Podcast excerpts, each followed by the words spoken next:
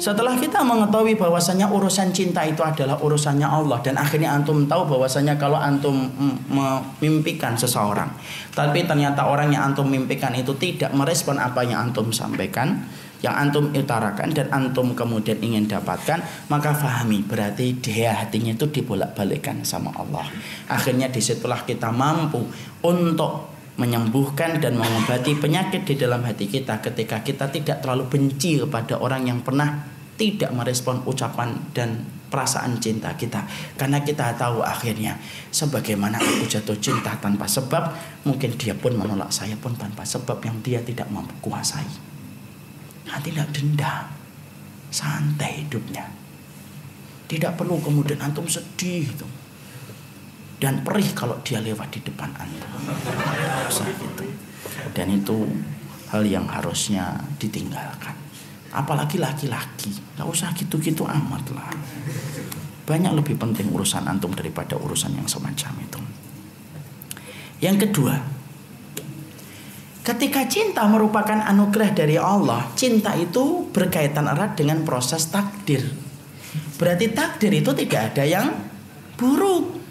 Kalau kemudian buruk itu disebabkan karena dosa-dosa dan kemaksiatan kita.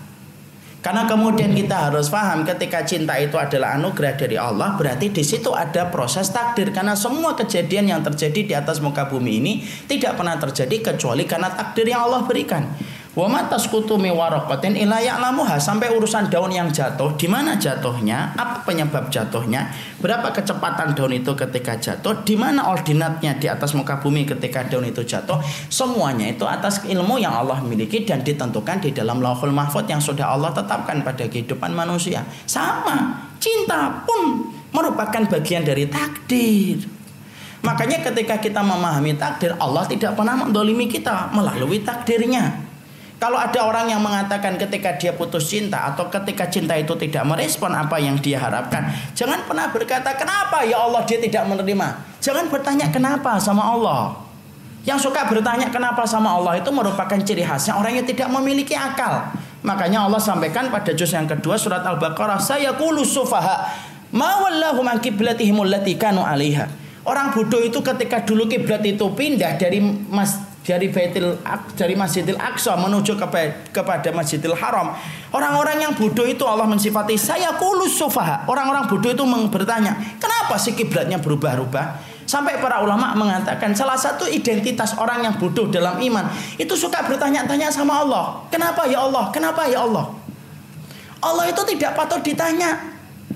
Makanya Allah sampaikan dalam surat Al-Anbiya la yus'alu amma yaf'alu wa hum yus'alun. Allah tidak pernah ditanya, tapi kita lah yang ditanya sama Allah. Wong keputusan juri aja tidak mampu diganggu gugat, kok keputusannya Allah diganggu gugat?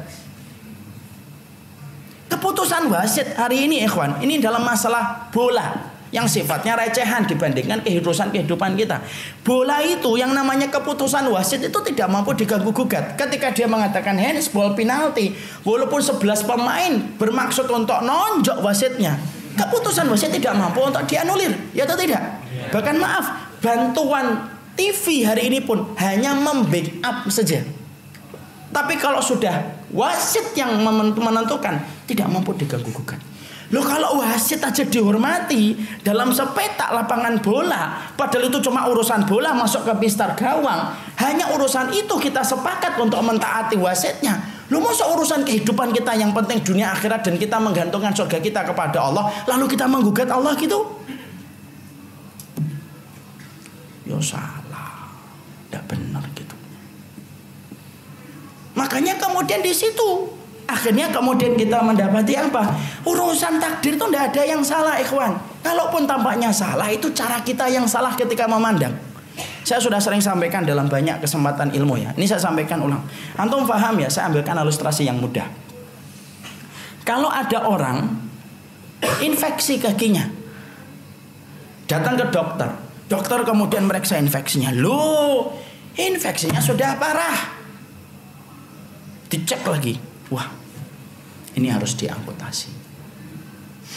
Ketika mau diamputasi, perhatikan kata amputasi ketika didengar oleh pasien dan ketika diucapkan sama sang dokter. Pasien ketika mendengar amputasi, itu konotasinya buruk atau tidak buruk?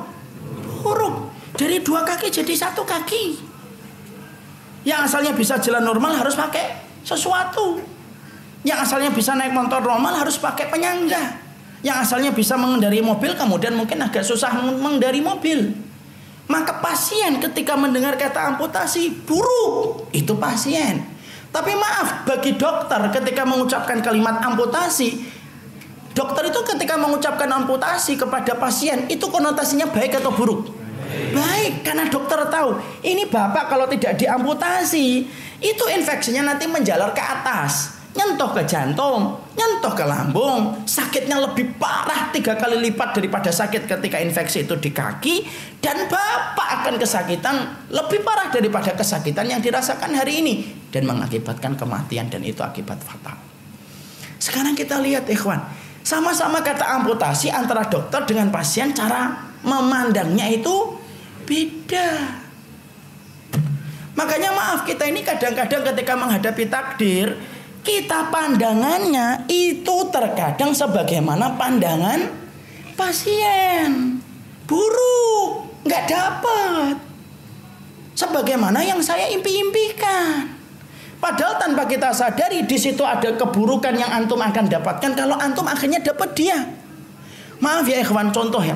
Kadang-kadang antum minta mobil, tidak dikasih mobil sama Allah. Antum seumur hidup hanya pakai motor.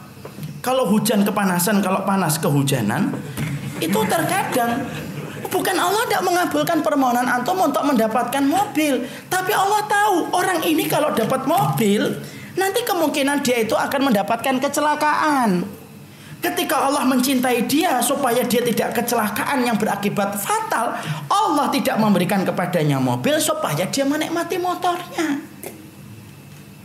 Cara Allah itu kan beda dengan caranya kita. Karena ilmunya Allah beda dengan ilmunya kita. Ilmu kita hanya sejumput. Kita hanya melihat apa yang kita jumpai. Tapi kita tidak melihat apa yang tidak kita jumpai. Padahal Allah melihat apa yang Allah jumpai dan melihat apa yang tidak dijumpai manusia. Itu Allah. Makanya kalau kemudian dalam pernikahan, dalam urusan asmara kok tiba-tiba tidak mendapatkan apa yang kita harapkan, maka sesungguhnya tidak ada yang buruk. Mungkin Allah hindarkan dari dia dari antum karena Allah tahu ujiannya ketika bersama dia menjadi lebih berat. Allah pilihkan yang lebih ringan kualitasnya dengan antum tidak Allah berikan kepadanya. Makanya kan saya sering berulang-ulang berkata kan, orang itu kalau tidak jodoh dengan kita, Mungkin dia baik, tapi yang jelas dia tidak tepat untuk kita. Jadi kalau dia berkata, kamu kemarin ditolak ya sama Rini, iya. Kok bisa? Dia kan orangnya baik. Memang dia baik, tapi dia tidak tepat untuk saya. Nah, itu menghibur aja itu maka kemudian di situ akhirnya kita menjumpai bahwasanya urusan itu harus dikembalikan kepada urusan takdir dan takdir itu selalu berjalan dalam kebaikan. Maaf ya kawan, antum pernah ngelihat apa yang pernah saya perhat saya perhatikan? Pernah ngelihat ada tayangan WA, potongan video yang cukup viral, ada laki-laki yang berdiri di pinggir trotoar. Melihat tiba-tiba dia lagi berdiri menikmati lalu lalang mobil terekam CCTV tanpa disadari olehnya. Ada sesuatu yang menyerang kakinya tapi tidak kelihatan di video itu. Kelihatannya semut. Marah atau tidak marah dia? Marah. Bagaimana ekspresi marahnya? Nampak bagaimana emosinya ketika menghentak-hentakkan kakinya. Karena semut itu mengganggunya. Mundur dia beberapa langkah. Baru saja dia mundur beberapa langkah, apa yang terjadi? tiba-tiba terpental itu mobil yang begitu kencang melewati tepat di tempat dia berdiri beberapa menit sebelumnya.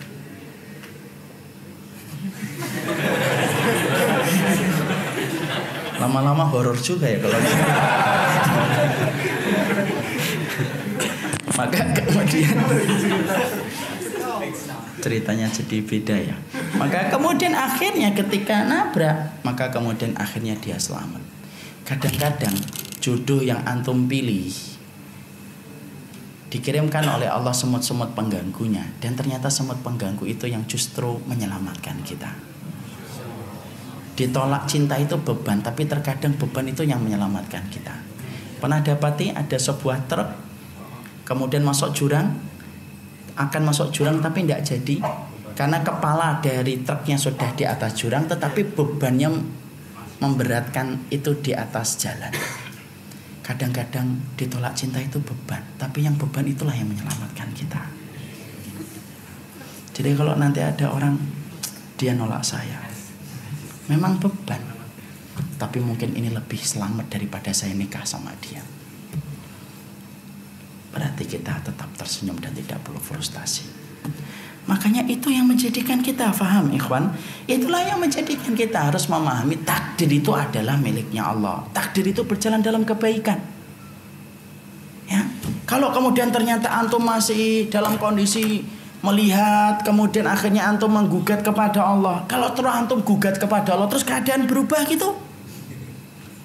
Setelah antum marah-marah sama Allah kemudian Allah akan kemudian takut sama antum, mimpi. Maka justru Allah tambah murka kepada kita.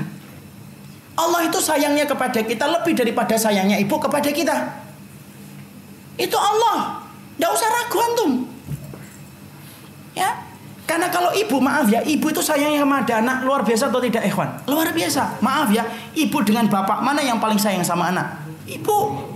Ibu itu kalau punya uang 20 ribu hanya beli ayam satu, anaknya minta, itu kasih dikasih ayam semua, ya atau tidak? Rela ibunya tidak makan, hanya makan timunnya. Lalu kalau ditanya sama anaknya, bu kok nggak makan ayam? Ya lagi diet ayam, kan gitu. Walaupun dia netes lihat anaknya makan ayam. Itu kalau ibu, kalau bapak kan beda. Kalau bapak punya yang 20 ribu beli ayam satu, bapak gimana? Separuh-separuh ya? Itu bapak.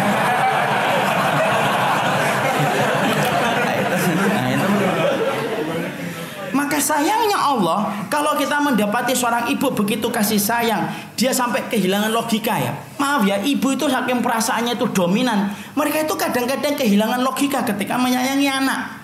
Mereka rela tidak tidur supaya anaknya tidur. Rela kelaparan supaya anaknya tidak kelaparan. Itu kasih sayangnya seorang ibu kepada anak. Kadang-kadang sayangnya terlalu besar menghilangkan logika. Makanya kenapa perempuan itu dibesarkan perasaannya, kemudian disedikitkan logikanya supaya dia mampu mencurahkan kasih sayangnya kepada anak. Itu seorang ibu. Allah yang menciptakan seluruh ibu di atas muka bumi dari Nabi Adam sampai orang yang terakhir kali melihat suruh melihat matahari dari arah barat. Terus kita mengatakan Allah tidak adil sama kita. Nah terus yang sayang sama kamu siapa kalau Allah yang tersisa aja tidak sayang sama kita? Jadi tidak ada kisah gitu. Tidak usah menjadikan masalah asmara yang tidak terbalas itu menjadikan antum akhirnya menyalahkan takdir. Itu namanya adalah mengusir kesedihan tetapi dengan dosa yang besar. Antum paham? Sesungguhnya Allah itu paling tidak suka digugat takdirnya. Dan kita usah ditanya, saya terima ya Allah. Kalau memang dia menolak saya dan tidak menerima saya, saya terima kalau itu merupakan bagian dari ketetapan ujian yang Allah berikan kepada diriku.